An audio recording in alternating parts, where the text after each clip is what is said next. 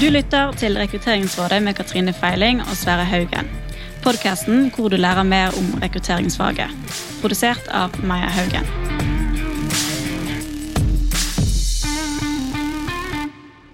Hjertelig velkommen eh, alle lyttere til en ny episode av eh, Rekrutteringsrådet. Eh, I dag skal vi snakke om en tematikk som ikke vi har snakket om før, og det er rekruttering til Vi har kalt det til distriktene. At vi skal se litt på det å rekruttere til liksom utenfor de store sentrene, sentrum, sentrumsnære stedene. Katrine, det jeg vet om deg, det er at du har jo rekruttert til gudene veit hvor mange rare steder rundt omkring. Men da er det ikke bare liksom i Norge, da er det liksom ned i Afrika og histen og pisten andre steder. Hva tenker ja, det, du om denne problemstillingen? jeg tenker jo at det, det, er også liksom Det er så remote jeg har klart å få det. Men det er jo da helt utenfor, helt andre steder i verden. Når det gjelder rekruttering jeg har gjort her i Oslo, eh, eller i Norge, så er jo det bare til storbyene. Så dette tematikken her syns jeg er kjempespennende. For jeg har ikke filla peiling eh, på hvordan jeg skulle lokket noen mennesker eh, til et mindre sted utenfor noen av storbyene. Jeg, sånn type rekruttering har jeg nesten aldri gjort. Og jeg er også veldig spent, for jeg kommer jo fra sånn knøttlite sted selv. Jeg, jeg, da jeg gikk på barneskolen, så var det tolv elever på hele skolen min. Og egentlig skulle jeg snakka sånn flott Vinje-dialekt, men det gjorde jeg altså ikke da jeg bodde oppe i Vinje i Telemark heller. Men en av de tingene jeg tenker på, er liksom at det er jo ikke så mange jobber der. Så hvis jeg skulle flyttet hjem, eh, hjem til Arabygdi, så, så, er det jo ikke sånn at det er flust med jobber å velge blant. Så det, jo en, det må jo være en del av det som er utfordringen i forhold til liksom, ganske enkelt hvilke jobber er det som er tilgjengelige da. Så det blir spennende å se liksom også gjør det at man tenker annerledes, eller må tenke annerledes med, om rekrutteringen. Ja, Så har vi med oss to spennende gjester i dag. og de det blir jo kanskje feil å si at de representerer hele Norge, men i dag så blir de på en måte en slags lyttepost for hele Norge. Så da har vi med oss én representant fra Gudbrandsdalen og én representant fra Nord-Norge, som jo er en veldig stor bydel, men som favner også ganske vidt. Så da har jeg lyst til å si først velkommen til deg, Birgitte Bay. Tusen takk. Veldig hyggelig at du kan komme innom. Du, jeg forstår sånn at du er da daglig leder i Midt-Gudbrandsdal næringsforening, stemmer det? Det stemmer.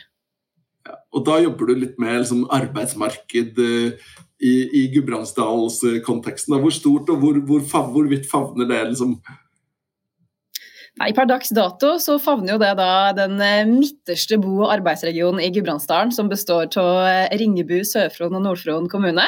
Så vi er en interesseorganisasjon for næringslivet her og har ca. 170 medlemsbedrifter. Ja, Spennende. Jeg gleder meg til å høre liksom, de perspektivene du har uh, derfra. For det er jo ikke, sånn, ikke helt ulikt den dalen jeg, jeg kommer fra, da, på mange vis. Den andre gjesten vi har med oss, det er Gard Michaelsen. Velkommen til deg, Gard. Takk, takk. Og Gard, du er partner og daglig leder i en organisasjon som heter Heia, mm, Heia Nord-Norge. Jeg holdt på å si Heia Midt-Norge, men det hadde jo vært fullstendig krise. Hva, hva er Heia Nord-Norge for noe? Vi er en bedrift som jobber med rekruttering og markedsføring. Vi kaller oss eh, ja, et jobbportal, eller et rekrutteringsbyrå og en jobbportal. Så vi gjør egentlig alt fra stillingsannonser, innholdsmarkedsføring, historiefortelling, kommunikasjon til full rekruttering. Det var kort, kortversjon, heispitchen. Ja, ja. Kan ikke, jeg, kan ikke, jeg, spørre dere begge to, egentlig, nå det er et sånn åpent spørsmål, så det er bare hvem som helst som kan svare på det. men den, den, tematikken da, vi skal snakke om nå, som handler om da, sant, rekruttering utenfor sentrum, eller vi kaller det rekruttering til distriktene, er det i det hele tatt en relevant tematikk? Er det noe, er det noe, er det noe forskjell? Det korte svaret er ja. Altså, og, ja. det, og, det, vil jeg, hvis, hvis, tenker, hvis jeg tenker bare sånn helt innledningsvis på, på, på, Du sier at lytterne her kanskje er folk som jobber med rekruttering. så på En av våre erfaringer er jo at når vi kommer bort i ja, det være seg selskaper, altså bedrifter sjøl eh, eller rekrutteringsbyråer som jobber i distriktene eller i Nord-Norge eller litt remote for første gang, så har de kanskje en eh, mindset som ikke alltid passer til, til det, det, området de skal inn i. Og det handler jo om at hvis du, skal, hvis du sitter i Oslo og har spennende jobber, så får du kanskje 300-400 søkere uansett. Så der kan du ta deg råd til å spisse kravspekken ganske kraftig og pinpointe inn akkurat den kompetansen du vil ha. Men skal du rekruttere til en, en hjørnesteinsbedrift eller en kommune i en liten bygd i Nord-Norge, et lite tettsted, så må du på en helt annen måte gå inn i en mindset der du kanskje ikke finner den profilen du skal ha, men du finner noen som er i nærheten eller kan bli den profilen du ønsker over tid. Eh, så det handler kort og godt om at skal du rekruttere til steder hvor det er færre søkere, så må du åpne, åpne opp prosessen på en helt annen måte. Og det mindsetet ja. tror jeg kanskje er den viktigste endringa å ta med seg inn i, i den utfordringa. Jeg, jeg, ser at du nikker, Birgitte. Er det noe du kjenner deg igjen i? Ja, eh, for så vidt. Og jeg tenker at det handler litt om å eh, det er liksom to ting da, som påvirker en annen, tenker jeg. Og det er at Hvis du skal rekruttere til bygda, så må bygda må hele tida være veldig offensiv på å utvikle seg for å bli et attraktivt sted å bo og jobbe. Og så må hun samtidig være enda flinkere til og det og det du jobber med, da, Gard, å fortelle eh, de historiene. Fordi jeg tror nok det er en del myter rundt det å jobbe på bygda, bl.a. det at du kanskje ikke har så mye karrieremuligheter og utviklingsmuligheter faglig. Eh, og det, i hvert fall min erfaring er at det stemmer jo ikke. Og det må vi kanskje bli flinkere til å få fram, da, for det, eh, det, den eh, myten har du jo ikke i byen, f.eks.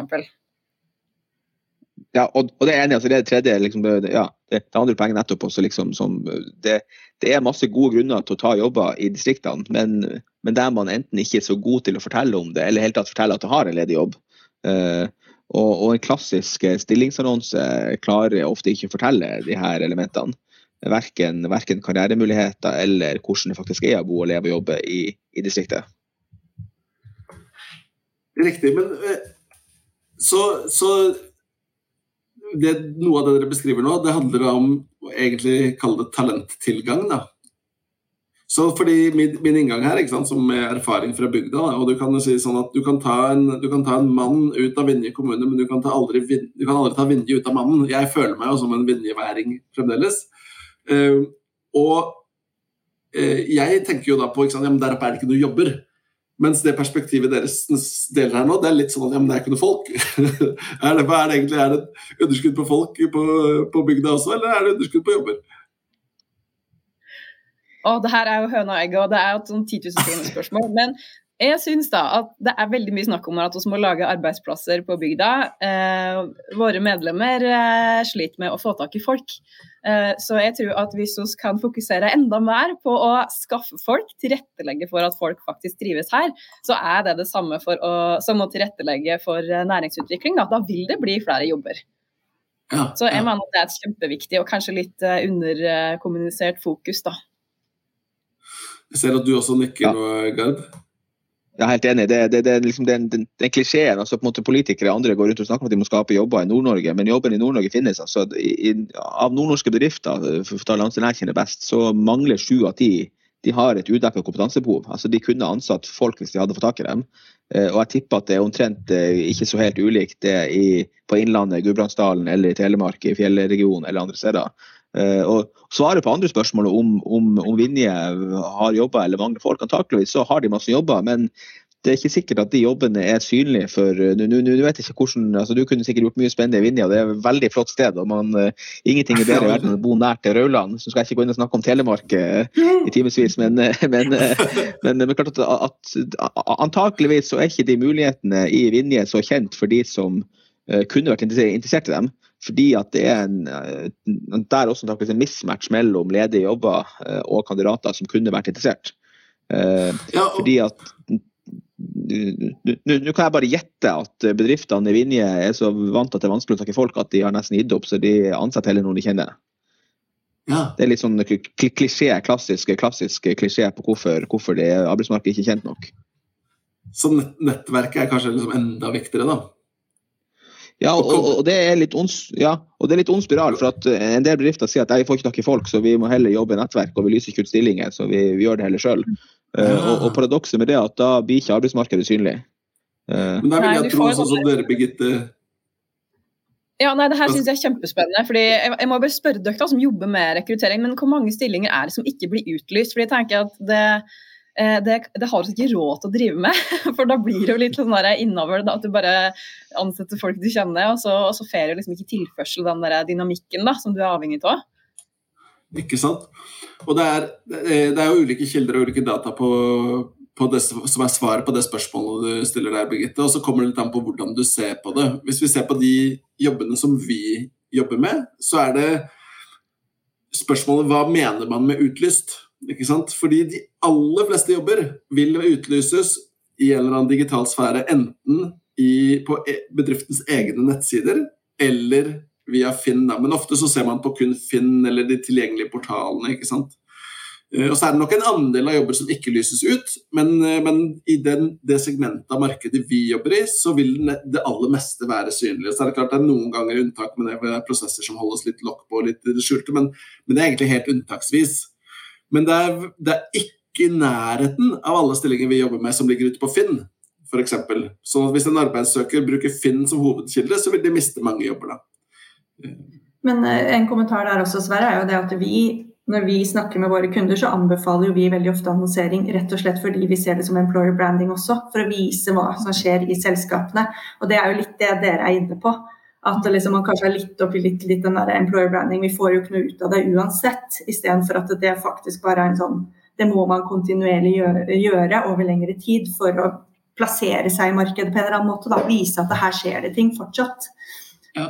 Og, så, og, så, er jo jeg litt nysgjerrig på sånn til dere, da. nå vet ikke jeg om dere har noe tydelig og klart svar på det, men hvis du ser på f.eks.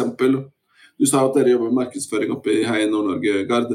Så er det klart, vi holder jo øye med å kikke på hvor mange søkere får vi hvis vi legger noe ut på en stillingsportal eksternt, sånn som Finn eller tilsvarende, versus hva hvis vi legger det ut med en målrettet annonsering på sosiale medier som Instagram, Facebook, LinkedIn osv. Da ser vi at vi får ofte en enda eller lavere kost per klikk. Da. Altså en høyere treffsikkerhet og større konvertering av, av, potensielle søkere via sosiale medier. Og i sosiale medier så vil man også ha ganske fin mulighet til å målrette annonsene mot geografisk plassering. Det er jo en av de tingene som kanskje er lettest å måle på, versus en del andre ting. Da. Er det noe dere har noe erfaring med i deres distrikter? Ja, vi jobber mye, altså Det vi jobber mest med, er nettopp den type innholdsmarkedsføring, storfortelling, stillingsannonsering via målrettet annonsering på sosiale medier. For vi, vi, vi har ikke mye direktetrafikk. Så har vi selvfølgelig også en, del kandidater i vårt nettverk som vi bruker. Men, men vi, vi, anbefaler jo, også som dere kjenner sikkert godt igjen det dere, kjenner godt igjen det dere beskriver, at vi anbefaler jo alltid kunder å bruke flere kanaler. Nettopp fordi at, at, at, du kan tenke at det er den kanalen eller det er den annonsen på LinkedIn som kommer til å treffe den riktige kandidaten, men nettopp fordi at du skal bygge merkevare over tid og være synlig, og fordi du ikke vet hvor kandidaten kommer fra, så bør du helst være både synlig i de kanalene her, og kanskje i lokalavisen, og kanskje på Finn, og kanskje på en nisjenettsted. Eh, så I de prosessene hvor vi mener noe om det, så er det sjelden vi anbefaler færre enn tre-fire steder, tre-fire steder å være synlig. Og, da, har jo det også en sånn, sånn, langsiktig effekt utover den prosessen. Men også fordi at du kan ikke altså, liksom, du, du, du, kan Sist gang så traff du kanskje kandidaten på Facebook, uh, men det kan være at neste gang så treffer du den på Finn, og kanskje du treffer den den tredje gangen i lokalavisen. Uh, så da er på en måte vårt svar til folk at du må da være på alle tre stedene hele tida. Ja. Um Kjenner du deg igjen i disse tingene, Birgitte? Er det, er det kjente problemstillinger fra de drøftingene du har med din, dine medlemmer? Jeg tror at uh, generelt da, så er det et veldig stort potensial på å ha bedre synlighet på ikke bare stillingene som finnes, men de spennende tingene som uh, bedriftene jobber med. Fordi nettopp litt sånn tilbake til kanskje den myta om at uh, du flytter tilbake for å slå det ned og slå det til ro og liksom legge inn årene litt. Da. Det er nærmest liksom den analogien der. Og, og, som sagt så kjenner ikke jeg i hvert fall jeg meg att i det. Jeg syns det er veldig mye som, spennende som skjer. men for min egen del så tror jeg ikke jeg hadde visst om det, hadde ikke jobba her rett etter eh, bachelorgraden min sjøl. Og det er jo litt sånn urovekkende, egentlig, at en ikke klarer å på en måte kanskje nå helt ut da, med kjempespennende eh, faglige problemstillinger og miljø å ta, ta, del i. Så jeg tror at eh, det er både altså det er alles ansvar, da, tror jeg. Både bedriftene, kommunene. Eh, Nord-Norge er jo kjempeheldig som har noen å heie på seg. Heia Nord-Norge. og eh, liksom Alle må ta det ansvaret da, om å fortelle de historiene om eh, både stillingene i så mange kanaler som mulig, spør du meg, men òg det som skjer eh, som leder fram til at de stillingene utlyses. da. Mm. Men Katrine, vi, jo, vi, lever jo i en virkelighet hvor vi Det er jo ikke vanlig, det ikke vanligvis sånn at det renner på med søkere til de jobbene som vi får. For vi jobber jo som rekrutteringsbyrå, så de oppdragene vi får, det er enten de som er så vanskelige at oppdragsgiver ikke klarer dem selv, eller så viktige at ikke de tør å gjøre det selv. Uh, uansett så er det ofte vriene stillinger, da, og da må vi jo søke. Hva er din erfaring? Har du noen gang vært borti å måtte søke til en litt sånn utafor lokasjon, eh, Katrine? Ja, jeg hadde et uh, også, Og da kommer jeg en sånn utafor lokasjon. Altså det, det eksempelet jeg har, er Drammen. Altså, vi skjønner bare på hvilken planet jeg har operert i Norge. Uh, men, men er, og da kommer det sånn problematikk inn noen ganger at Eh, man må liksom man ser på lokasjon litt utenfor Oslo. Det kan gjøre det litt enklere, for det kan hende at noen har lyst til å flytte hjem. Og Det er sånn ofte eksempel vi får. da. Ja, men Kan vi ikke se om liksom noen som holder til Oslo per dags dato, men kanskje vil flytte hjem til ja. Skien, da. ikke sant? Og da kan Drammen være et pendlersted. Um, og, og, Det er også litt sånn interessant liksom, hvordan man legger inn sånne antakelser i ting, og prøver å finne et eller annet search-metodikk som kanskje kan finne en eller annen som gikk på en eller annen videregående skole på LinkedIn. Um, jeg vet ikke om det er liksom en sånn problemstilling dere også kjenner til, for det er vel ofte det man ønsker at folk skal komme hjem. Jeg vet ikke om det er liksom hovedmålgruppen noen ganger. Jeg tror jo kanskje at det kan være enklere å Eh, altså, det ligger kanskje bedre til rette da, for at folk skal trives og ha gode forutsetninger for å bli værende, hvis du har en eller annen form for tilknytning. Eh, men det er jo en antakelse jeg har. Jeg kommer fra Gudbrandsdalen sjøl, og det har jo Lallo med trives med jobben min, og jeg ser mange spennende muligheter. Så er det jo ikke til å legge skjul på at tilknytning har jo en stor, eh, en stor del av grunnen til at jeg bor og jobber her, da. Ja. Det gjelder kanskje andre òg. Men, men hvis ja, vi, vi, vi kjenner igjen det, vi også. Så klart at, at det å rekruttere folk det er fullt Vi har eksempler på det motsatte. Folk som kommer tilflyttet til et sted og ikke har relasjoner til et sted. Eh, og, og, det finnes, og de kan du treffe både gjennom søk og gjennom, gjennom, gjennom markedsføringa. Men klart at, at, i det, som det, liksom, det målretta søket hvor du kontakter kandidater, så er jo eh, treffprosenten eller måte, sannsynligheten for å treffe noen er jo større hvis du vet at de har en tilknytning til stedet. Eh, så på en måte i, i en sånn kost-nytte-analyse skal du spørre 100 kandidater som har ingenting med stedet å gjøre, eller skal du spørre 50 som har noe med stedet å gjøre, så, så er jo sjansen større for å snakke med de 50 som har noe med stedet å gjøre. Og, og, og det, det, er jo noe av det som vi jobber med, er jo å ha oversikt og kandidatbase. Gjerne også folk som aktivt Det aller beste er jo folk som registrerer seg i en base vi har og sier at jeg har lyst til å flytte hjem. Jeg har lyst til å ha jobb i Nord-Norge, i, i Tromsø eller Bodø de neste tre til fire årene. Eh, for da vet vi og kan gå inn i de basene når vi har jobber som er relevant for dem. Eh, men det er klart at, at her kan også bli en sånn, en sånn det der kan også bli en sånn, en sånn, måte, en sånn blind, blindsone. For man skal ikke gjøre bare det. Altså Man skal ikke bare søke i hjemflyttere. Man må også prøve å markedsføre seg og søke ut mot andre som kan være interessert i å flytte til i stedet. Men problemstillingen med det vi snakker om nå, da, for å dra, for å dra en annen parallell, hvis du ser på, hvis du ser på i rekrutteringsmarkedet inn til byene, der hvor liksom de, det er flest jobber, så er det jo noen typer kompetanse som er mer etterspurt enn andre. F.eks. digital kompetanse, programmering eller arkitektur eller hva det nå skulle være. Og da er det jo, hender det jo av og til at man kan gå ut så kan man si at ok, men kan vi ikke hente folk i utlandet, da? Men utfordringen er jo det, ikke sant? enten som du sier hjemflyttere, som vi snakker om nå, men det som er problemstillingen, det er jo nettopp det å treffe folk som er villige til å relokalisere. For de fleste har jo et liv, de bor et sted, de er faste et sted. Um, og det må jo være litt det samme problemstillingen tenker jeg, i forhold til søk, da, når man jobber med søk etter kandidater til distriktene. At du må jobbe med så veldig store volum for å treffe de som både er hjemflytter, som du sier, potensielt, men som også timingen er rett på. da. Og Derfor tenker jeg kanskje annonsering er en enda viktigere kanal da, inn ut, ut i distriktsrekruttering. Jeg vet ikke om det, om det er bare en hypotese jeg har. Jeg har jo ikke erfaring til å backe den opp med noe annet enn tanke... Nei, det, det hypotesen er til vi skal ha riktig. altså Annonseringa er i stor grad viktig for å treffe folk som på en måte altså På, på, på det direkte søket så, så, så, jobber vi jo ganske målretta med kandidater hvor vi ser en eller annen relevans. Altså Noen som er herfra, noen som vi tror i en alder hvor det kan være interessant, noen som har ambisjoner om den type lederstilling og derfor kan være villig til å flytte på seg. Eh, for at du kan, du kan jo sitte og, og det vet jo dere, du kan, du kan sitte og spørre 1000 IT-utviklere om de vil jobbe, men hvis ingen av dem har noen grunn til å være interessert i det, så er det, så, så er det fort å bruke veldig mye tid på ting som ikke er treffsikkert. Uh, Så på en måte vi, vi, vi i den, altså den Markedsføringa blir en viktig del av rekrutteringa også, fordi at du kan treffe så veldig mange flere folk. Eh, du kan på en måte ikke spørre 1000 mennesker eh, manuelt om jobb, du kan treffe 10 000 av dem via markedsføring. Ja, ja. Men det, hvis vi ser på hva slags type kompetanse er det som er etterspurt? da? Altså, Birgitte, oppe i Gudbrandsdalen, hva er det folk eh, ser etter der? Er det sånn som Hvis du spør en osloværing, så sier de sikkert nei, de ser sikkert etter bønder. Altså, hva, hva, hva, slags kompetanse er det man ser etter i Gudbrandsdalen?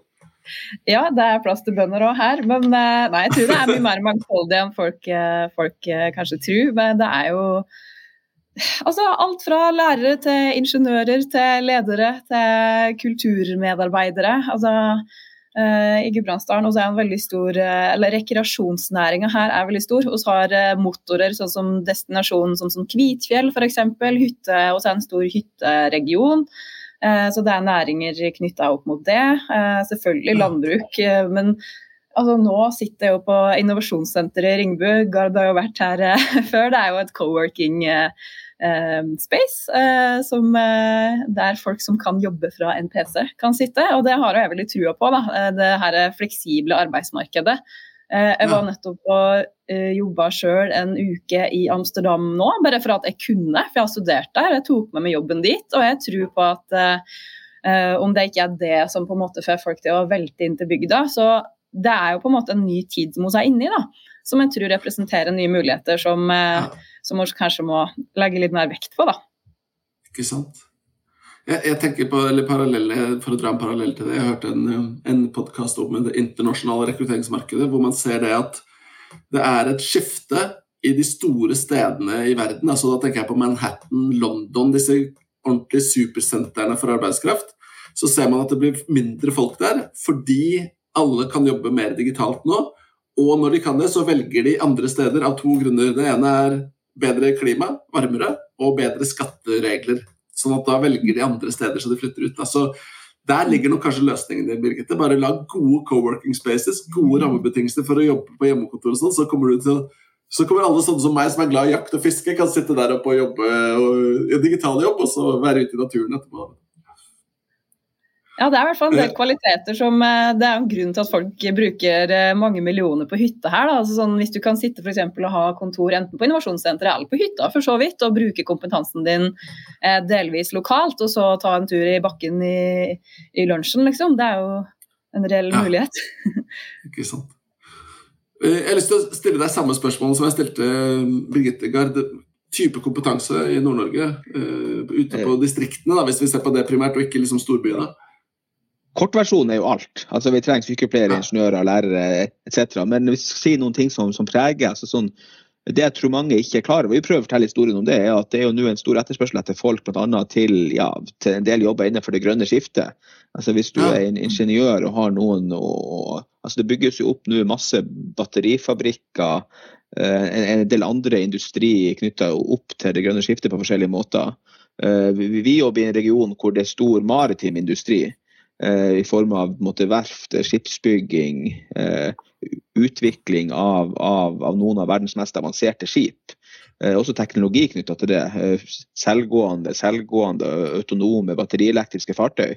Så jeg skulle ikke si Veldig mange av kundene vi jobber med, de søker systemutviklere, automasjonsingeniører, Uh, ja. ingeniører som har erfaring med ganske avanserte ting. Så klart at, at Mye av det som skjer, og, det her er opp til arbeidsgiveren å klare å fortelle det. for klart Mye av det som skjer i Nord-Norge nå, er jo noe av det mest avanserte på, sitt, på sine områder, på sine felt. Uh, så hvis du har lyst til å utvikle måte, grønne fartøy som går førerløst på verdenshavene, så kan du komme til Nord-Norge for å tegne et bilde på det. Uh, så liksom det, det bildet av at, Og det, det, det, her skjer gjerne, og det er jo litt sånn fordi at et skipsverft har gjerne blitt lagt i fjæra i ei lita bygd. Uh, så det ligger gjerne i ei lita bygd. Men med et eksempel på det som vi jobber med, Grofjord Mekaniske Verksted, som, som, ligger i ei lita bygd med 500 innbyggere, har jo vært kjent at de ja, det, det, det, er veldig fint der, men de får ikke veldig mange automasjonsingeniører og systemutviklere til å flytte til bygd med 500 innbyggere. Så de har laga et kontor i Harstad, som er en time unna, som er Nord-Norges tredje største by. Hvor man kan ha et kontor i, i en by, og du kan bo i by. Eh, og De er også, som, som nevnt, også åpne for at du også kan bo andre steder i Norge. Fordi man ser at skal du ha tak i kompetansen, så er det bedre å ha tak i den, og du er der én dag i uka, tre dager i uka, fire ganger i måneden, istedenfor at du skal være der hver dag. Ikke sant. Du, nå, nå, ser jeg, nå, ser jeg, Katrine begynner å sitte og trippe litt for å komme til med de, de, faste spørsmålene vi skal ha på tampen, men jeg har lyst til å stille dere et siste spørsmål før vi slipper henne til. Og det er hvis dere tenker på, på rekrutteringsverdensbildet sånn som dere kjenner det, og så ser på det som Og kikker liksom inn i vår, de som kanskje lytter mest på denne podkasten, de som jobber med rekrutteringen til byene, hva kan, hva kan de lære av folk som jobber med rekruttering på, i distriktet? da? Hvis vi tenker sånn ett tips som dere tenker dette kan de nok lære, uh, i disse byfolka, hvis vi kaller det det. Jeg kan begynne, da. hvis ikke, ja, jeg kan begynne med, altså et, Vi var inne på i stad at i byen så kan du lyse ut, lyse ut uh, en stilling og få 100 søkere, og du kan spisse kravene. og det, du, det, det som er faren med det, at det ender fort opp med at du må Det var vel et eksempel i Krono her om dagen, at du ender opp med at folk med mastergrad skal gå rundt og være sekretær. Uh, så på en måte litt at man får overkvalifiserte kandidater. Uh, og, og, og, det neste faren med det er at du da skyver fra deg en del kandidater som kanskje er vel så interessante og har vel så stort potensial, men ikke har den mastergraden. Jeg tenker at Det man kanskje kan lære av det vi gjør i distriktene, at det å åpne opp annonser for flere typer kandidater kan være bra også i byene. Selv om du får 100 søkere, så er det litt dumt å skyve fra seg de 100 søkerne hvor du kan finne kanskje de mest spennende kandidatene. Ikke sant. Birgitte, hva tenker du? Oh, nei, jeg synes Det var vanskelig spørsmål. Du svarte jo så veldig bra. Men hva var spørsmålet igjen? Det var hva kan hva, hva, Hvis vi skal tenke et tips til de som jobber med rekruttering, hva kan man lære av, liksom, uh, av virkeligheten med å rekruttere liksom, ut til distriktene? da? Jo, eh, da tenker jeg at eh, her er jeg også veldig avhengig av og kanskje vant med å tenke langsiktig. Så du må begynne tidlig ved å inkludere de unge, kanskje ha trainee-program, eh, lærlinger, eh, sommerjobb. Eh, og det gjøres jo sikkert allerede da, altså. Men her på bygda eller i distriktet så er vi i hvert fall veldig bevisste på viktigheten til å gjøre det for at folk skal få eierskap og innsikt og en tilknytning da, som lønner seg på lang sikt. Det syns jeg var veldig, veldig gode gode tips fra begge to. Tusen, tusen takk.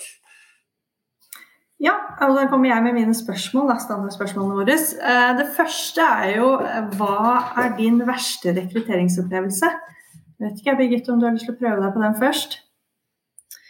Eh, skal vi se.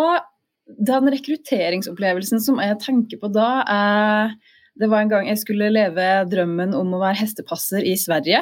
Eh, og jeg bodde der ca. en uke. Jeg syntes det var litt rart at liksom det her med kontrakt Vi kom liksom aldri til det møtet. Det ble liksom ikke noe sånn ordentlig stell og styr på de sakene her. Så når jeg tok opp det temaet, så viste det seg at det var ikke så aktuelt å ha. Det var ikke så veldig ryddige forhold. Så jeg endte opp med å pakke bagen og kjøre tilbake i min Volvo 940 til Oslo. Så det lille eventyret det varte ikke så veldig lenge, men eh, det var kanskje et av mine første møter med arbeidslivet som tilsa at det er ikke alltid så ryddig, da. Så jeg har blitt eh, opptatt av det i etterkant. Det er ikke så langt opphold på hestepasser på deg. Ja, det skjønner jeg godt. Hva er din verste rekrutteringsopplevelse? Jeg vet ikke om jeg kan si verste, men, men, men, men en, opplevelse jeg både der og da i ettertid lærte mye av, for så vidt, var jo det, det her var tilbake til mitt forrige liv som, som uh, jobba i avisbransjen, hvor det man stort sett drev med, var jo å ansette folk. Og, og, og husker både den gangen og har tenkt meg ettertid på, på en sånn situasjon der vi liksom ble utfordra litt av noen, noen, noen, noen, krefter på HR som spurte oss liksom ja, har dere et, et, har dere, et, dere har vel et skjema, en fast mal for intervjuene? Vi satt og intervjua folk dag inn og dag ut, og så bare så vi på hverandre og sa nei, vi har vel egentlig ikke det. Eh, så liksom det å bli arrestert på ting man har gjort i alle år, og hvordan man har gjort ting i alle år, eh, mer eller mindre ja. på magefølelse og mer eller mindre på, på automatikk, eh, og så bli utfordra på systematikk og på metodikk inn i sånne prosesser, det var ganske det var lærerikt da. Det var jo det lenge før jeg planla begynte å jobbe med rekruttering sjøl, men nettopp denne opplevelsen av å få arrestert magefølelse og automatikk, den, den var ganske sunn. Ja. ja, det skjønner jeg godt. Eh, vi spør jo alle gjestene våre uh, egentlig hvilke temaer de kunne tenke seg at vi kunne ta opp, eller som dere har lyst til å høre i neste eller senere episode. Er det noe som uh, dere har lyst til å dele med oss der?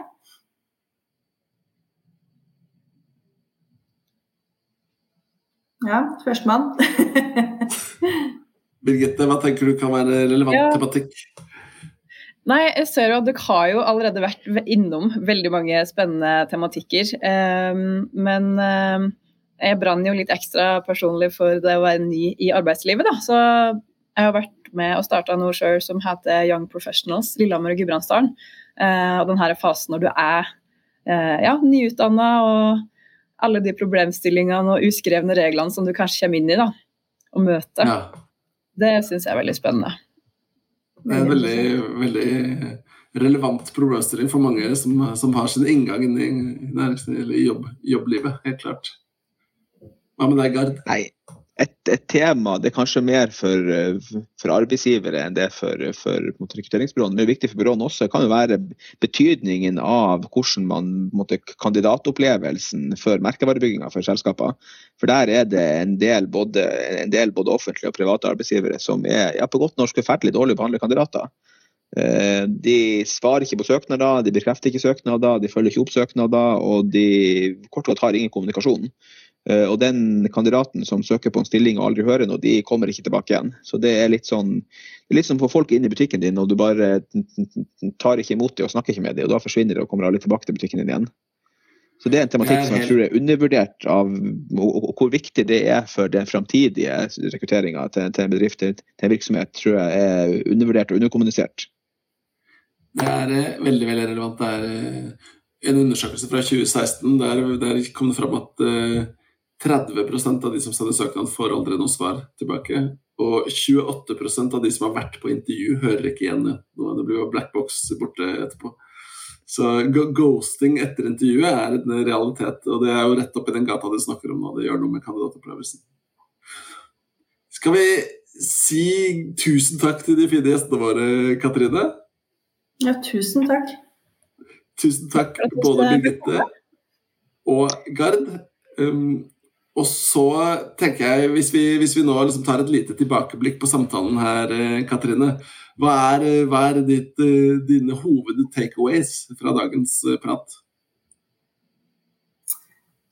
Altså jeg, jeg, tenker ofte at der, Vi har vært litt innom merkevarebygging eller liksom employer branding, som jeg er vant til å si innenfor rekrutteringssammenheng, og den viktigheten av av at eh, man må være synlig, bygge liksom, merkevare over lengre tid. Som gjør at, man, at alle kan fortsatt se at her skjer det ting. Eh, det, vi trenger folk mm. fortsatt som kan begynne stillingene her. Det, det tenker jeg var egentlig liksom min sånn key takeaway, som vi også absolutt kan bruke her i, eh, i de jobbene vi jobber mest med.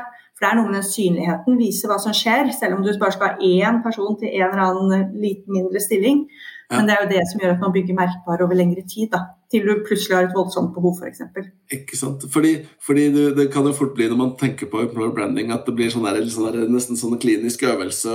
Sånn, men egentlig så handler det om som, Hvis du tenker litt som om du er i distriktet, da, at du må sørge for at folk har lyst til å flytte hjem. Det er egentlig en veldig god, godt bilde. Jeg er helt enig, Katrine det, det, en av de takeawayene jeg tar med meg, tror jeg handler om det der jeg kaller det puslespillbrikka. da, At når du rekrutterer til en jobb, så er det ofte det er den rollen. Vi, vi, kjenner jo til det fra dag til dag, Katrine, at jeg skal finne den rollen med disse kompetansene, og så må jeg finne den puslespillbrikka som passer akkurat i det hullet. Mens hvis vi hørte på hva Birgitte og, og eh, Gard snakket om, så er det jo ute på distriktene kanskje så er man flinkere til å se hvordan kan man tilpasse spekken og få, få utnytte den kompetansen man har. da. Og Der tror jeg det er et kjempepotensial, både med tanke på liksom å få mindre utenforskap og få økt rekrutteringen til, til viktige, viktige, stillinger. da. Og så er det superspennende å utforske nærmere hva betyr det for rekrutteringsprosessene. Hvordan må man tenke annerledes? Hvordan kan man utfordre kall det eksisterende paradigmer på seleksjon da, for å kunne velge, velge rett eh, kandidater. Ja, det, er, det, det, er også noe av det vi jobber på en måte, Det som går igjen i alle våre prosesser hvor vi jobber med rekruttering og jobber med utlysningstekster, er jo liksom å, å, å bruke tid på, på, kravspekken. Fordi at Der står det ofte du må ha fem års gjerne bachelor eller master i det og det faget. Men så spør vi ja, men hvis du er fagskoleingeniør eller hvis du har lang erfaring, ja ja, det går fint. Altså liksom, det er en sånn der, det, det, måte, Øh, man gjør ting på autopilot fordi at vi har gjort det sånn i alle år. Uh, ja. Men i praksis så, så, er det sånn at man ansetter folk hvis de har noe i nærheten og man kan læres opp og de kan tilpasse seg. Og, og du, du, er inne på at i, i kanskje det puslespillet altså, hvis, du skal, hvis, du skal, hente en fagspesialist til et stort selskap i Oslo, så er kanskje puslespillet 1000 biter, og den ene brikken passer akkurat bare der. Mens i, i eh, det her, Jeg vet ikke om metaforen her er god, da, men i, i distriktene så er gjerne pusles, det, det er færre puslespillbiter, og de er litt mer sånn, de er litt mer sånn firkantige, og, og, og, du kan på en måte liksom flytte litt på brikkene. Det er mer sånn, Vi skal ha tre ingeniører, og så tilpasser vi hva du kan ut fra hva vi, hva vi trenger. Uh, men jeg, men jeg, jeg, tror at, jeg, tror at, hvis vi tenker på liksom læring, så tror jeg nok at i veldig mange tilfeller så vil man i La oss si om du skal ha en vaktmester da, ved en skole i, i storbyen, så vil du i mye større grad være rigid til den kravspekken enn du kanskje vil være i distriktet, hvor du har et mindre antall mennesker. Men det er ikke sikkert resultatet blir noe dårligere. Fordi du må velge ut på andre ting, da. Eh, kanskje. Ja, definitivt. Veldig bra.